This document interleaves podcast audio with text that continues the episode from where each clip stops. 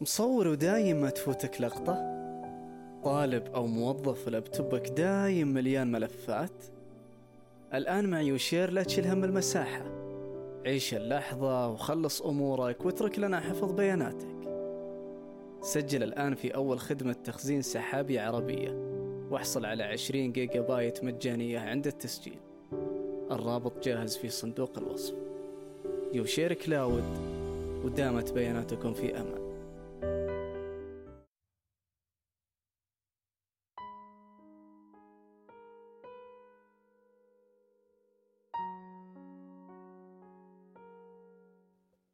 أهلا يا أصدقاء. التشرف بكم في زاويتي الصوتية بودكاست على الرف. هذه الحلقة تأتيكم بالتعاون مع شبكة محتوايز. ومن الهندسة الصوتية سلطان الشملاني.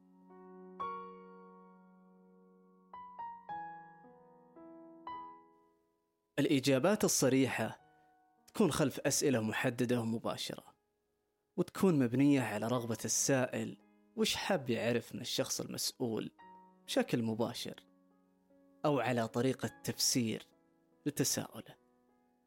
عندي سؤال دايم يلح علي وأحب أسأله للناس. ما أقصد فيه إجابة أو تفسير ولكن عندي هدف من خلاله وهو محاولة استنطاق الكلام المحفوظ في صناديق الخواطر. وش ودك تقول؟ هالتساؤل طرحته عن طريق الصدفة قبل عدة أشهر على أصدقائي في التويتر. كنت أستمتع بإجاباتهم ولأني من أربع حلقات ما سمعت فيها أصواتكم كان هذا السؤال بوابة للبوح في فضاء مسموع.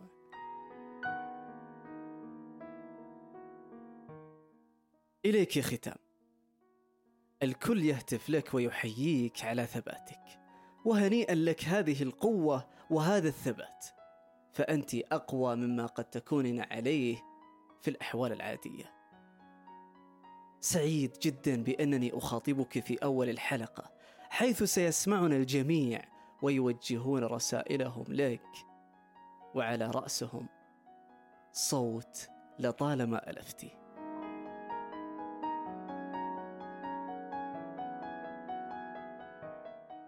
لصديقتي محاربة السرطان ختام. صديقتي التي ظننت أن الحياة لن تهديني هدية رائعة.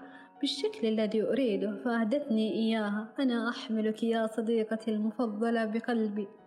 كما يحمل المرء هويته ووطنه وأهله وكل ما هو ثابت غير قابل للتغيير أو التخلي يوما. كوني قوية وتذكري دائما أنني معك في وقت فرحك وحزنك للأبد. ابتسمي دائما كل شيء سيمر وكأنه لم يكن. لا تحزني فهناك دائما مخرج لكل شيء. وأنت تستطيعين أن تتجاوزي أي لحظة سيئة. لا تدعيها تسلب منك ابتسامتك فأنت لطيفة للغاية. ابتسمي دائما كتفك الثالث.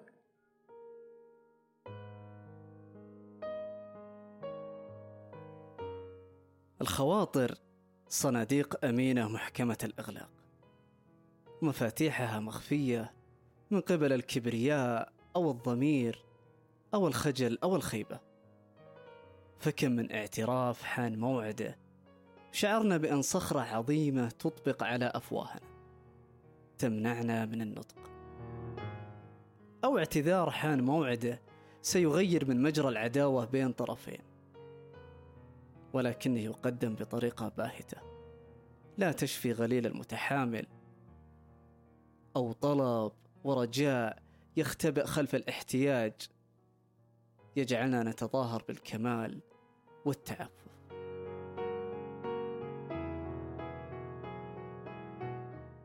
مساء الورد عليك خالد وعلى كل مستمعين بودكاستك الجميل. تساؤل يقول هل للنجاح شكل واحد كما تملي علينا الرأسمالية؟ الرأسمالية تقول أن النجاح يكون على الصعيد المهني والوظيفي.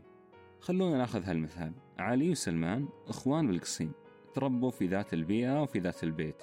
علي تخرج من الجامعة وراح للرياض وتوظف في شركة وبدأ يرتقي في سلم الوظيفي إلى أن أصبح من المجلس الإداري.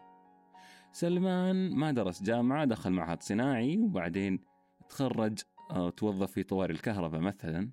راتبه كان 7000 وسكن في القصيم ما الرياض ومثلا مثلا صار هو القائم على عائلته. أبوه معاق وأمه كبيرة في السن وعنده ثنتين خوات ما تزوجوا وواحد من إخوانه الصغير قاعد يتابعه. هل ممكن نقول إنه علي هو فقط الناجح؟ طيب ممكن نقول إنه سلمان برضو ناجح؟ يعني إنه أقام هذه العائلة المتراصة؟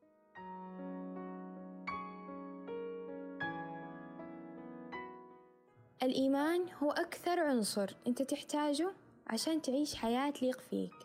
لما تكون مؤمن بأهدافك أوعدك راح تحققها وفي الوقت اللي تؤمن فيه برسالتك الناس كمان راح يؤمنون فيها.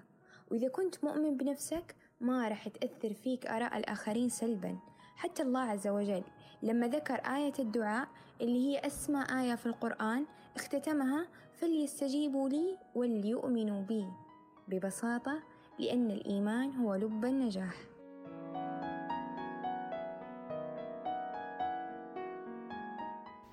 مرحبا. لا تخافوا أبدا من خوض التجارب حتى وإن تخللها بعض الصعوبات. ودائما اسمحوا لأنفسكم تجرب أشياء جديدة ومفيدة لأنها راح تضيف لكم أرصدة من الخبرات والمعارف وتعلمكم بشكل أكبر. وكما قال ألبرت إينشتاين المعرفة ليست المعلومات فمصدر المعرفة الوحيد هو التجربة والخبرة.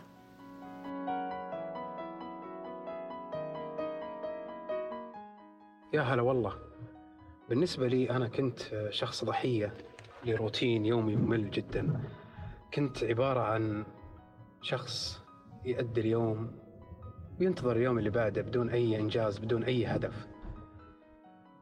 حطيت لي أهداف إني لازم أوصلها بهوايات أنا مرة أحبها سواء من رياضة سواء من تصوير أمور عدة فالحمد لله هذا انعكس على نفسيتي وساعدني على إني أتطور وأنجز أكثر ويصير يومي آه، جدا مليء بالإنجازات وطبعا لا يمنع إني أكافئ نفسي في نهاية اليوم بعد الإنجازات اللي أنا سويتها في اليوم كامل.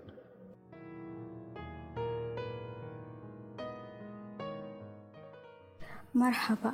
عندي قناعة وللأسف اكتشفتها متأخر. إن الصمت وقلة الكلام منجات. عكس كثرة الكلام ما يجي من وراها إلا الزلات وسوء الفهم. ضيع وقتك في محاولة التوضيح أو التبرير. هذا غير الندم اللي يتبعها. وقتها تقول ليتني ساكت. أيضا من محاسن الصمت وقلة الكلام إنك تتميز بالهدوء والرزانة وسط كومة من الثرثارين. والأهم من كل هذا إنك تكون مصدر راحة وليس مصدر إزعاج.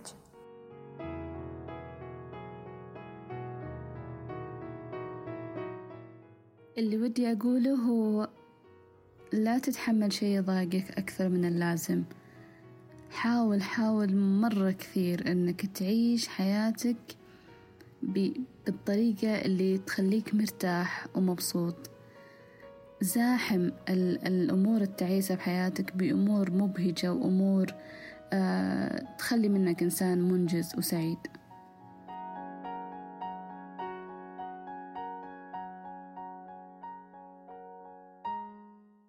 من أخطاء التفكير الجمعي في المجتمع هو تكوين صورة خاطئة عن فعل صحيح وتسويقها بأنها عار أو عيب. وربما تقلل من كفاءة الفرد فتكون المشكلة معقدة. ويفقد الكثير من أفراد المجتمع اتزانهم بسبب قلة في الوعي وتصديق كل ما يقال في المجالس. ودائما الضحية يعلق شعار وش بيقولون عني الناس؟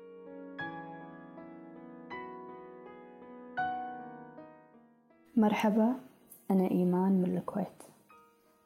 أحتاج أقول للمجتمع ساعدوا من يمر بحالات نفسية سيئة مثل ما الجسد يتعب الروح تتعب أيضا.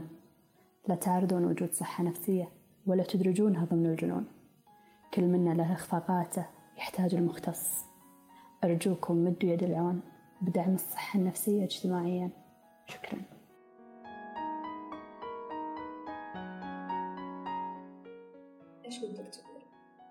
حقيقة أول ما طرح السؤال هممت بالمشاركة بالدفاع؟ وكأن داوين أمامي جاهزة لأقتبس منها إلا أن عند التفكير بعنف تخبطت الأبجدية لتصافح اللسان وما لقيت إجابة. الفكرة وصلتني الفكرة إنه العقل دائما يكون في حالة هرم من اللانهاية والانفتاح بشكل عام. يكون في مثل هذه المواقف أشبه بينبوع أفكار يتفجر من جميع الجهات. علينا نحن الذكاء في هذه الحالة. بحفر مسار واحد يجري ليصب في بقعة واحدة. نتعلم ونكسب الخبرات ولكن نتأكد من قدراتنا المحسوبة وأن يوجد لدينا هدف أساسي يصب فيه جل إبداعنا. دائما مجرى واحد يروي الجميع أفضل من مجاري متعددة تقع في بقع مهجورة.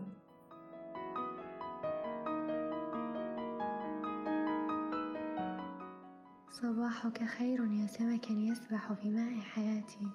يا رمل البحر ويا غابات الزيتون يا طعم الثلج وطعم النار. تحرقني الكلمات التي لا أستطيع صياغتها. أشعر بأنني ذلك الذي يكتب من أجل أن يختفي الكم الهائل من الكلمات الموجودة في عقله يوما بعد يوم تزداد حالته سوءا من فرط التفكير. لا تسعفه الأبجدية ولا يسعفه الوقت ولا المساحة الهادئة. أردت للقوقعة التي تحبس ما في صدري أن تنكسر. أهذا ما تفعل كلمات الحب؟ لا أدري. كل ما رغبت به هو إخبارك ما في قلبي. أنني أحبك. أن الحب لا يحلو إلا بك. وأنك تعلم ذلك بطريقة ما. إلا أنك تفضل أن أبقى في حيرة من أمري. وأن أبقى على شفا نار الغيرة. أبحث عن مكان لا يكون به سوانا.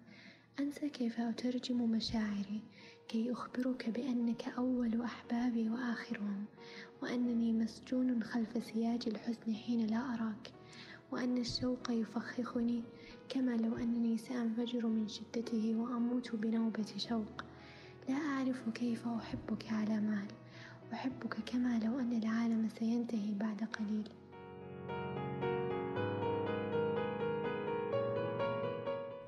تعلمت بأني دائما آه، يجب أن أخلق بيني وبين الفشل علاقة جميلة لكن مو أي فشل.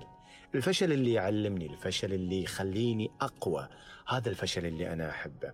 ما أحب النجاحات اللي تجي بسهولة أحب النجاحات اللي تعصرني عصر أحب النجاحات اللي تخليني أمر بتجارب مريرة إلى أن أصل إلى محطة النجاح محطات الفشل. أمر عليها مرور الكرام أمر عليها وأنا متعلم من محطات سابقة في الفشل إلى أن أصل إلى محطة النجاح. لذلك لما أوصل للنجاح أحس بلذته أحس بطعمه اللذيذ. أه ما أحب النجاحات السهلة البسيطة اللي تجيني من أسهل ما يكون. لذلك دائما أنا أقول بأن محط بأن كل محاولات الفشل اللي تمر علينا في حياتها يجب علينا أن ناخذها آه، بالحسبان. يجب علينا أن نصنع بيننا وبينها علاقة جميلة تخلينا آه، نشعر بنشوة الانتصار لما نتذكر بأن إحنا فشلنا مرة ومرتين وثلاث وأربع. لذلك مو من أول محاولة فشل تقول أنا فشلت وتوقف. ظلك افشل مرة ومرتين وثلاث إلى أن تصل إلى محطات النجاح. كان معكم أحمد قريش مقدم بودكاست صباحو.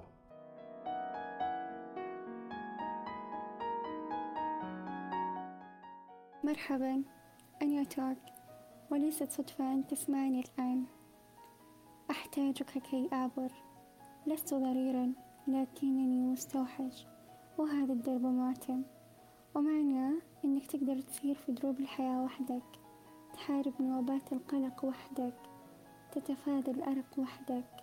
ولكن بوجود شخصك الذي تحبه راح يكون كل هذا خفيف وهين عليك. إلى اللقاء.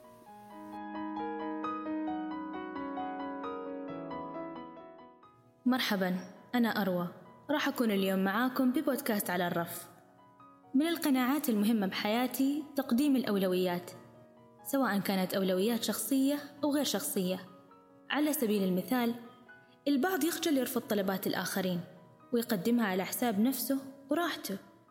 ممكن نلبي احتياجات الآخرين لكن ما راح نلبيها برغبة منا بتكون حمل ثقيل علينا. تعلم تقول لا بالوقت اللي تحس نفسك مو قادر تعطي فيه. في أولويات يغلب بعضها على بعض. مثل تقديم راحة بالك عن الرد على أشخاص ممكن يضايقونك وفي أولوية تقديم العائلة. بالنسبة لي نفسي وعائلتي تكون دائما بمقدمة أولوياتي لأننا كأشخاص نمثل العائلة ولا بد تكون ضمن أولوياتنا. حب نفسك واعرف أولوياتك.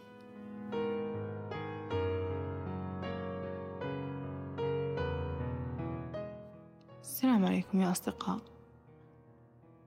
أهرب دائما من العلاقات كثيرة التبرير كثيرة الشرح المليئة بسوء الظن. أهرب منها جدا. لذلك حابة أقول لكم لا تكلفون نفسكم عناء التبرير. لشخص مسكر أذانه ولا يبي يفهم. ارفقوا على أنفسكم. وزي ما قال ابن جدلان الله يرحمه. مصير الوقت يشرح لك ظروفه لا غفلت ونمت يصحيك الزمان اللي يصحي كل من نامي بس لا صحاك الزمان لا عاد أشوفك أبدا.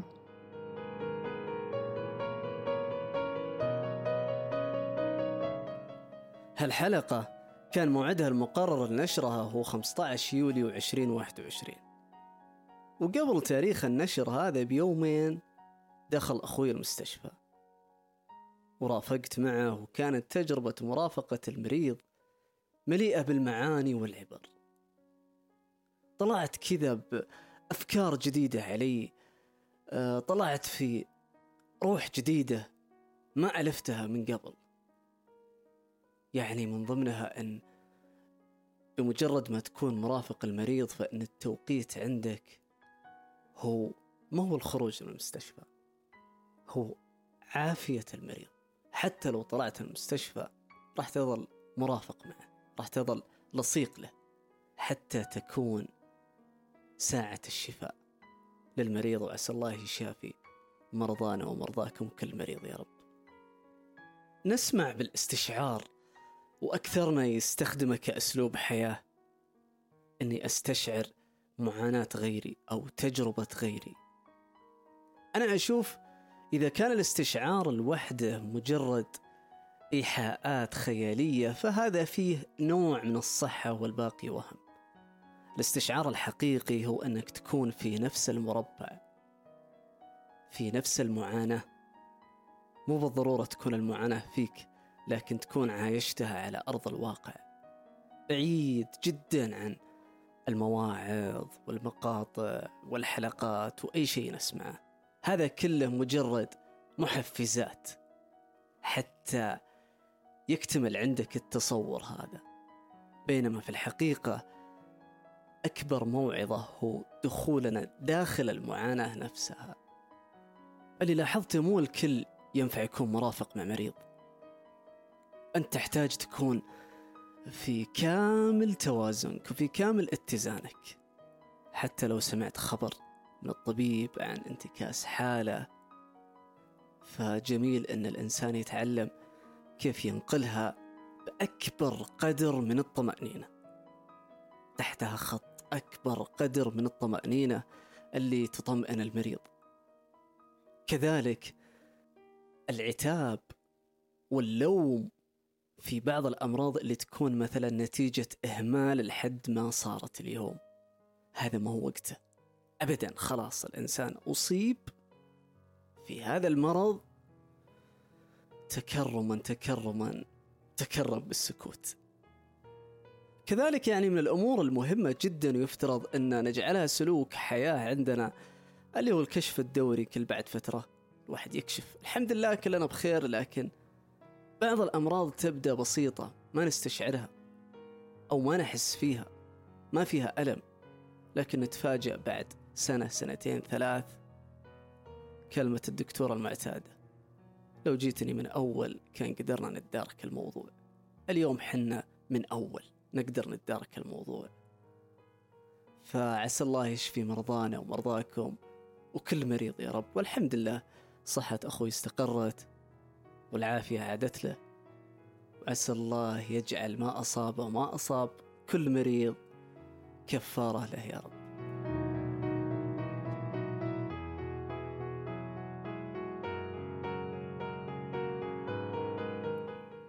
يعطيك العافية أنك سمعت الحلقة بالكامل. يسعدني أنك تنشر الحلقة بين جمهور البودكاست ومن يحب هالنوع من الطرح. كما أشكر الصديق سلطان الشملاني اللي تكرم علي وهندس الحلقة صوتيا. كذلك أصدقاء وصديقات على الرف على مشاركتهم أصواتهم وقناعاتهم.